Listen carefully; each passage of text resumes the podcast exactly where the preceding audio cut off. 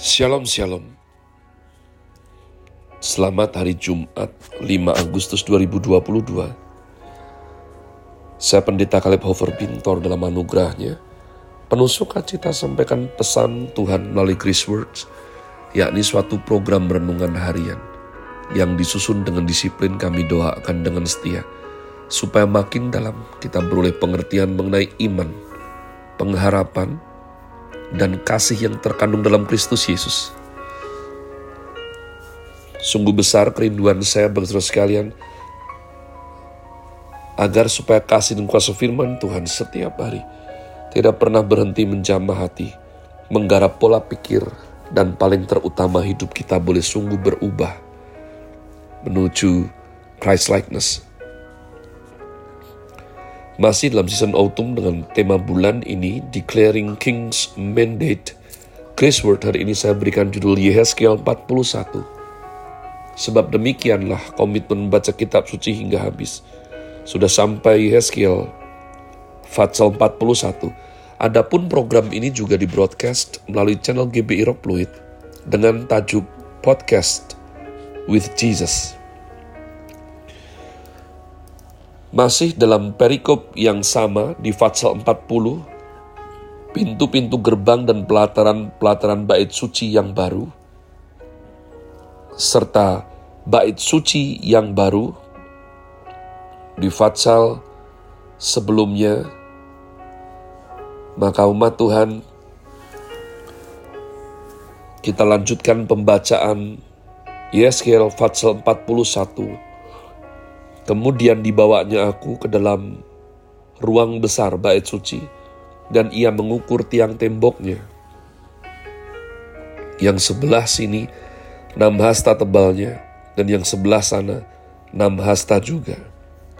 Lebar pintu itu adalah sepuluh hasta, dan lebar dinding sampingnya adalah lima hasta sebelah sini, dan lima hasta sebelah sana. Panjang ruang besar diukur juga, 40 hasta dan lebarnya 20 hasta. Lalu ia sampai ke ruang dalam, ia mengukur tiang temboknya, tebalnya dua hasta, dan lebar pintu sendiri enam hasta, dan lebar dinding sampingnya tujuh hasta sebelah sini, dan tujuh hasta sebelah sana. Ia mengukur panjang ruang dalam itu, dua puluh hasta, dan lebarnya dua puluh hasta, sesuai dengan lebar ruang besar. Lalu ia berkata kepadaku, inilah tempat maha kudus. Kemudian ia mengukur dinding bait suci itu, enam hasta tebalnya, dan lebar kamar tambahan yang terdapat di sekeliling bait suci itu, empat hasta.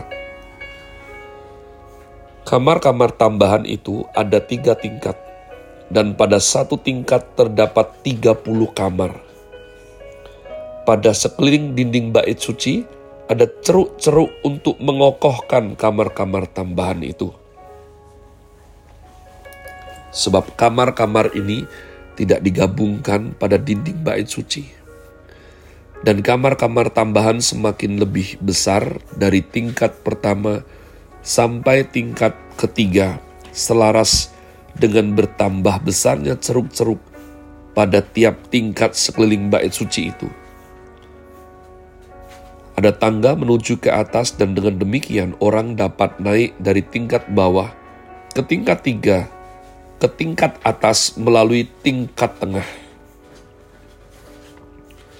Aku melihat bahwa alas bait suci itu lebih tinggi dari sekelilingnya.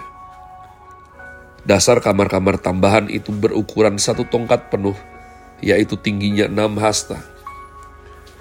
Tebal dinding yang sebelah luar kamar tambahan adalah lima hasta,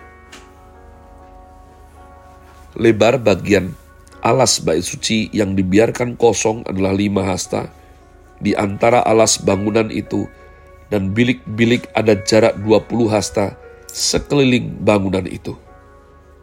Dan pintu-pintu kamar tambahan keluar ke bagian yang kosong itu. Satu pintu di sebelah utara dan satu pintu di sebelah selatan. Dan lebar tempat yang kosong itu adalah lima hasta sekeliling Bangunan yang terdapat di lapangan tertutup yang di sebelah barat lebarnya 70 hasta, sedang dinding yang mengelilinginya tebalnya 5 hasta dan panjangnya 90 hasta.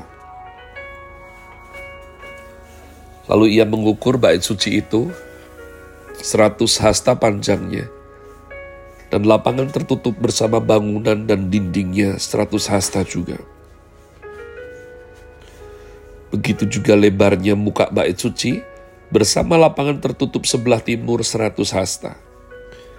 Kemudian ia mengukur panjang bangunan yang terdapat di lapangan tertutup sebelah barat bersama serambi-serambinya di kedua belah 100 hasta, ruang besar, ruang dalam, dan balai luar ditutupi dengan papan, dan sekeliling ketiga ruang itu ada jendela-jendela yang berbidai dan serambi-serambi. Di hadapan ambang itu, seluruh bait suci ditutupi dengan papan, mulai dari lantai sampai ke jendela-jendelanya. Sedang jendela-jendela ini terlindung. Sampai bagian atas pintu dan ruang dalam. Dan juga di luar, dan di seluruh dinding bagian dalam dan bagian luar terukir gambar-gambar kerup dan pohon-pohon kurma. Di antara dua kerup sebatang pohon kurma, dan masing-masing kerup itu mempunyai dua muka. Dari sebelah yang satu muka manusia, dan dari sebelah yang lain muka singa yang menghadap ke pohon kurma itu dan begitulah dibuat di seluruh bait suci. Dari lantai sampai ke atas pintu terukir kerup-kerup dan pohon-pohon korma pada dinding. Tiang-tiang pintu dari ruang besar adalah empat persegi, dan di hadapan tempat maha kudus ada sesuatu yang kelihatan menyerupai mesbah dari kayu. Tingginya tiga hasta, panjangnya dua hasta, lebarnya dua hasta, sudut-sudutnya serta alasnya dan dindingnya dari kayu. Ia berkata kepadaku, Inilah meja yang ada di hadirat Tuhan. Ruang besar mempunyai dua daun pintu dan tempat maha kudus. Juga mempunyai dua daun pintu. Pada pintu-pintu itu ada dua daun pintu yang dapat berputar dua daun pintu pada pintu yang satu, dan dua daun pintu pada yang lain. Pada pintu-pintu ini juga, yaitu pintu-pintu ruang besar, terukir kerub-kerub dan pohon-pohon korma, seperti pada dinding-dinding. Di muka balai bait suci itu, yaitu di luar, ada tangga kayu.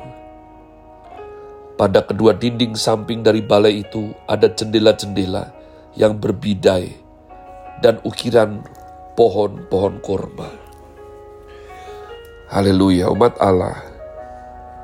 Saya sudah katakan, karunia profetik adalah salah satu yang paling sering diakui, dimiliki oleh banyak orang, mengaku indigo, mengaku bisa dengar suara Tuhan, entah dari berbagai macam sumber. Tidak hanya orang Kristen saja, tapi banyak yang mengklaim bahwa mereka bisa dengar, mereka bisa mendapatkan petunjuk dari yang tidak kelihatan. Kalau Anda belajar kitab Yeskiel, Anda akan menemukan betapa telitinya penglihatan-penglihatan yang diberikan Tuhan melalui Yeskiel. Itu begitu teliti, ukurannya, bentuknya, ukir-ukirannya. Dari situ umat Tuhan kita belajar sesuatu. Ya. Bahwa Tuhan memberikan maksud bukan merupakan sesuatu yang dapat dikarang-karang oleh manusia. Kalau manusia bisa mengkarang memikirkannya sendiri, maka tidak perlu dibukakan, diberikan wahyu dari Tuhan. Apa yang bisa kita pelajari kalau kita tidak dikaruniakan, yakni talenta profetik sampai seperti apa, maka tugas kita adalah membaca firman Tuhan dengan sebaik-baiknya, bertumbuh untuk mengenal Tuhan melalui firman-Nya. Dan dengan demikian, ya, hidup kita itu relate dengan firman yang kita pelajari. Kita bisa mengerti menghadapi situasi seperti apa, firman Tuhan macam mana yang kita pakai. Apa maunya Tuhan dalam suatu persimpangan? Apa kehendak Tuhan ketika kita ada di tengah-tengah perempatan? Apakah kita akan maju, mundur, ambil kiri atau kanan? Tapi kalau engkau memang mempunyai talenta profetik dan itu anugerah Tuhan, itu tidak serta-merta langsung menjadi luar biasa. Mulailah dengan menyediakan waktu. Seringlah duduk di hadirat Tuhan. Dan biarlah di sampingmu itu ada buku catatan sama Tuhan. Catat. Dari situ engkau akan mengerti ketajaman yang Tuhan ajarkan ya catat dan tunggu penggenapannya. Itu akan menjadi suatu aktivitas yang menyenangkan. Karena ketika engkau mencatat apa yang Tuhan bukakan, apa yang Tuhan taruh, kamu kasih tanggal, bulan, tahun, lalu suatu hari itu terjadi, maka itu merupakan sesuatu yang indah sekali. Satu kali, dua kali, tiga kali terjadi, saya berharap engkau mempunyai keluarga rohani seperti yang kita punya ya dalam keluarga rohani yang Tuhan percayakan untuk kita gembalakan sehingga bisa diarahkan, bisa didampingi tetap dengan pemuritan supaya betul-betul karunia tersebut bisa dipakai sesuai kehendak dan maunya Tuhan saja. Have a nice day. Tuhan Yesus memberkati saudara sekalian. sola. Grazie.